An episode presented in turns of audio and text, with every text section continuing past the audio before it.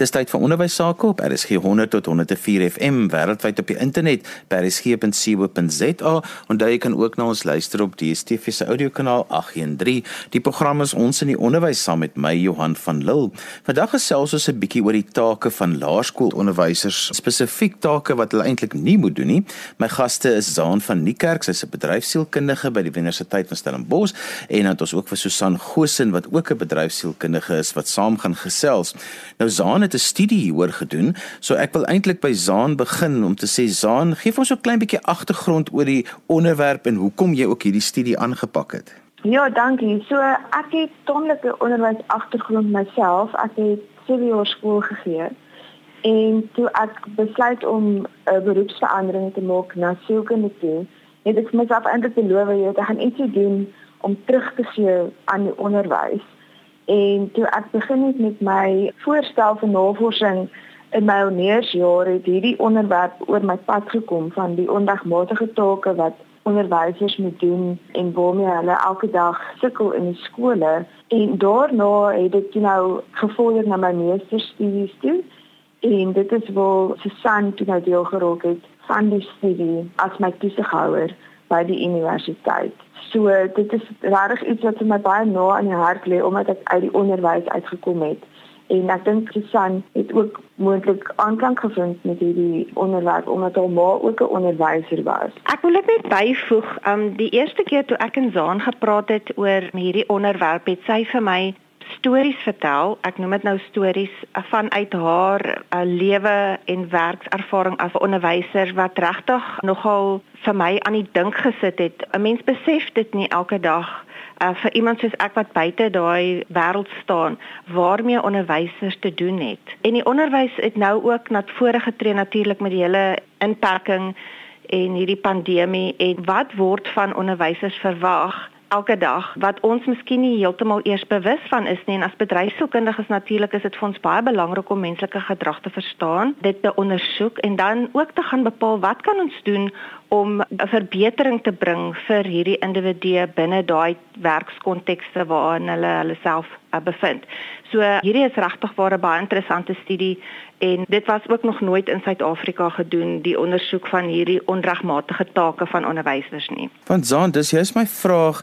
Elke onderwyser het 'n posbeskrywing of 'n posontleding wat hulle moet doen en 'n take wat hulle daagliks moet uitvoer, maar dan is daar nou die ekstra take. So gee vir so 'n klein bietjie agtergrond van wat is die situasie want ek kom uit 'n onderwysfamilie uit. Onderwys loop in ons bloed en ek moet sê my familielede werk dag en nag. Ja, soos soos wat die geval is met onderwysers.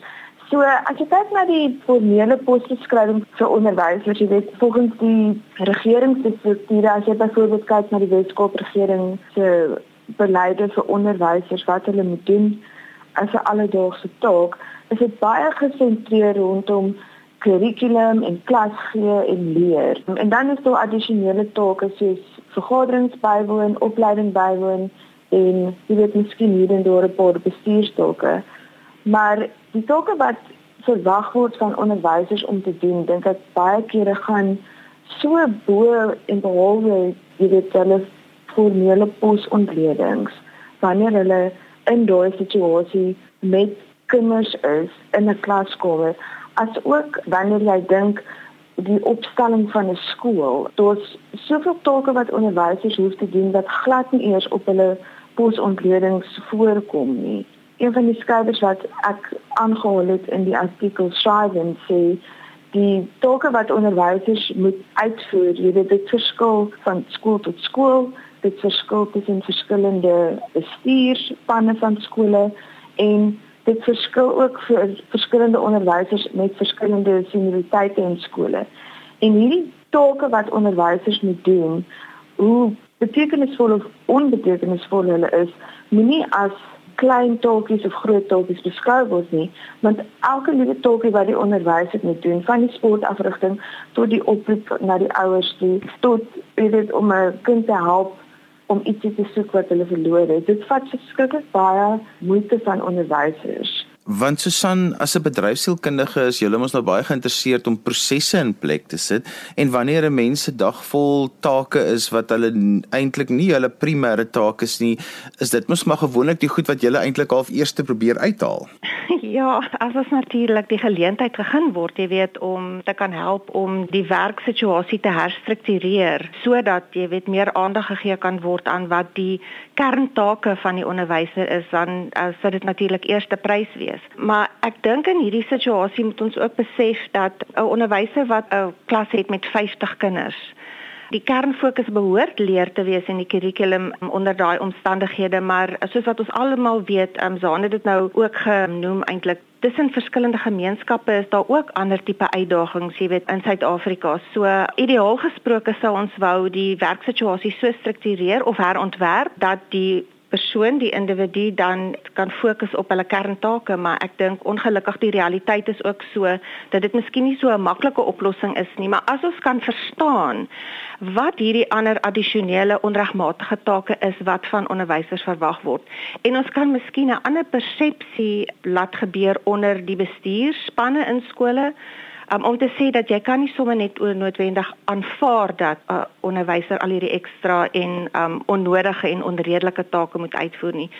Um jy weet 'n meer van 'n bewustheid skep onder die bestuurspanne, um, dan dink ek jy weet kan dit al klaar 'n verskil uh, bewerkstellig want ek het net weer hierdie week iewers gelees van 'n onderwyseres wat sê sy gebruik haar eie geld om vir die kinders byvoorbeeld potlode en penne aan te koop. Is dit regtig die verantwoordelikheid van 'n onderwyser om dit te doen? Want Zaan, dis juist waarby ek wil uitkom. Verduidelik vir ons wat is 'n ongeregmatige taak en watter tipe van hierdie take daar is, want eh, op hierdie stadium het jy my kop nou nogal redelik te mekaar gekrap en in, in my kop moet 'n onderwyser mos nou maar al hierdie goeters doen. Ek meen ek het self onderwys gegee en ons het dit maar net gedoen. Ons het van konserte afgerig tot ons het gestaan by die snoepie. Ja, 'n ongeregmatige take is basies take wat nie deel vorm van die kerntake wat in die algemeen geassosieer word met die werknemer se beroep of professionele identiteit nie. Die belangrikheid van die identifisering van die onregmatige take is dat hulle nie subjektief deur die werknemer beskou word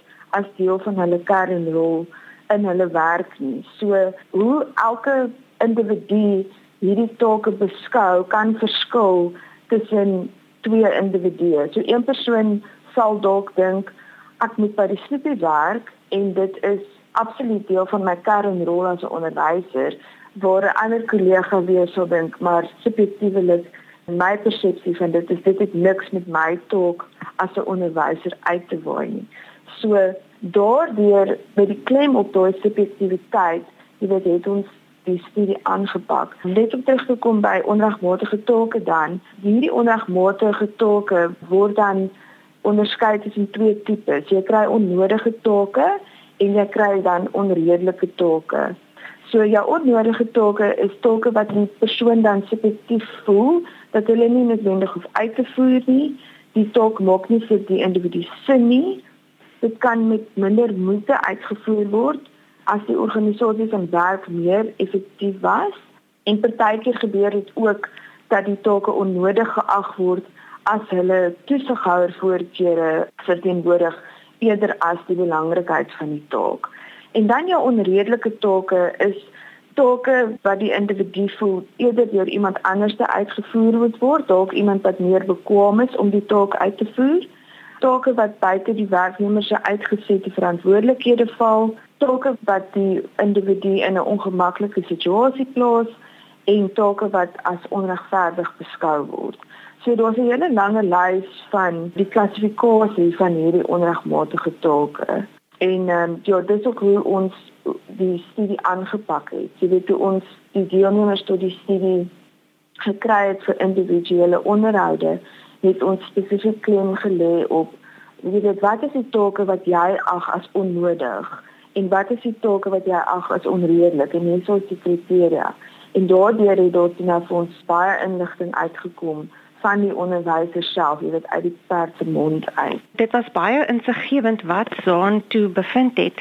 Soos wat sy sê die persepsie, dis 'n subjektiewe persepsie van elke individu en die voorbeeld wat ek nou genoem het van dat jy miskien um, jy weet potlode en penne moet koop met jou eie geld sal deur een persoon natuurlik subjektief ervaar word as nie 'n probleem nie, maar deur iemand anders dalk. Iets soos byvoorbeeld geldinsameling wat Zaan ook hier um, gevind het baie onderwysers moet dit doen. Hulle moet deeltyd jy weet seker maak die uh, kinders bring geld vir konserte soos wat jy sê of ander geleenthede en dan moet hulle verantwoordelikheid aanvaar vir geld. En ek bedoel dit is ook 'n natuurlike ander tipe verantwoordelikheid wat jy nie gedink het uh, jy sal moet hê toe jy gekies het om onderwyser te word nie maar ek wil ook graag hê dat Zaan 'n bietjie gesels oor wat sy toe bevind het soos buffering factors Zaan, is daar enige lig aan die einde van die tonnel, enige positiewe bevindinge wat jy gedoen het uit jou studie oor hierdie onregmatige take wat onderwysers opgelê word? Ja, Johan, jy weet, dit was eintlik vir my Susan was dit so ehm um,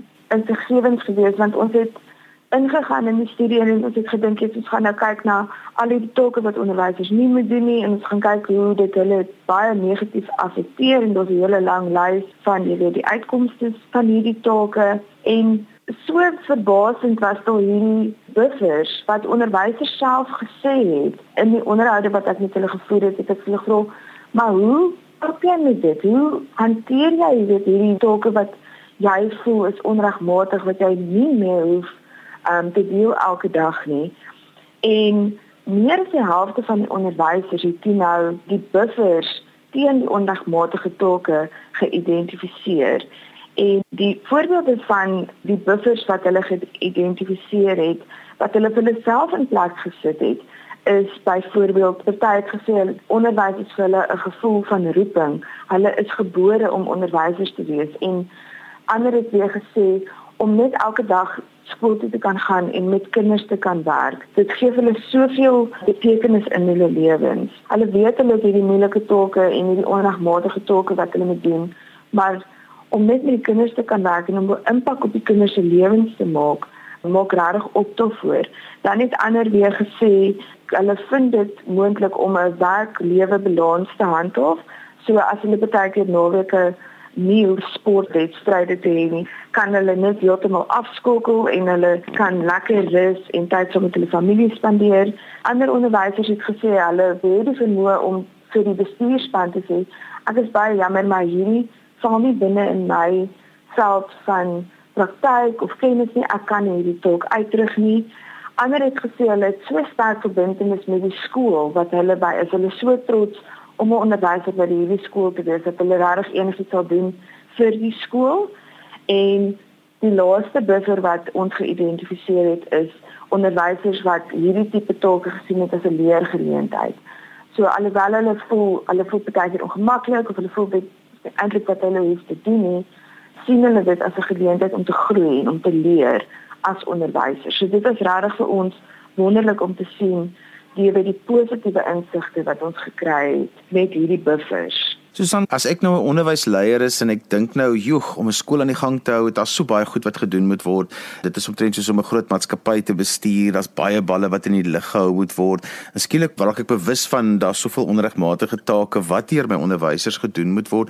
Hoe benader ek dit in my skool? Want hierdie veld wat julle nou inbring in die onderwys maak my baie opgewonde want dit het soveel potensiaal om vir die onderwysers dit soveel beter en makliker te maak. Ja, ek dink um Johan daar's baie maniere wat mens miskien die situasie kan heroorweeg in jou eie skool. Jy weet jy kan miskien gaan kyk na watter onderwysers hou daarvan om sekere van hierdie take te verrig en dan kan jy daai take toedig aan die mense wat voel dat hulle waarde daaruit kan kry om sê nou maar sport af te rig of om betrokke te raak by die konsert. Jy kan miskien daai onderwysers identifiseer wat daarvan hou om emosionele ondersteuning te bied aan leerders en wat jy ook kan doen natuurlik is om vir hulle vir opleiding te stuur, nê, nee, om seker te maak dat hierdie ondersteuning wat hulle dan gee, jy weet op so 'n manier gegee word dat dit aan almal se behoeftes voldoen. Maar baie van hierdie goeders is altyd baie, hoe kan ek sê teoreties en dalk nie heeltemal so prakties om voor te stel nie, maar ek sou sê dit sou die ideaal wees as jy jou skool bestuur as 'n span, jy gaan identifiseer daardie sterkpunte van jou individuele onderwysers, jy gee hulle ondersteuning om daai sterk vaardighede te kan toepas En dan gaan kyk jy na daardie persone wat baie geaffekteer word deur hierdie take.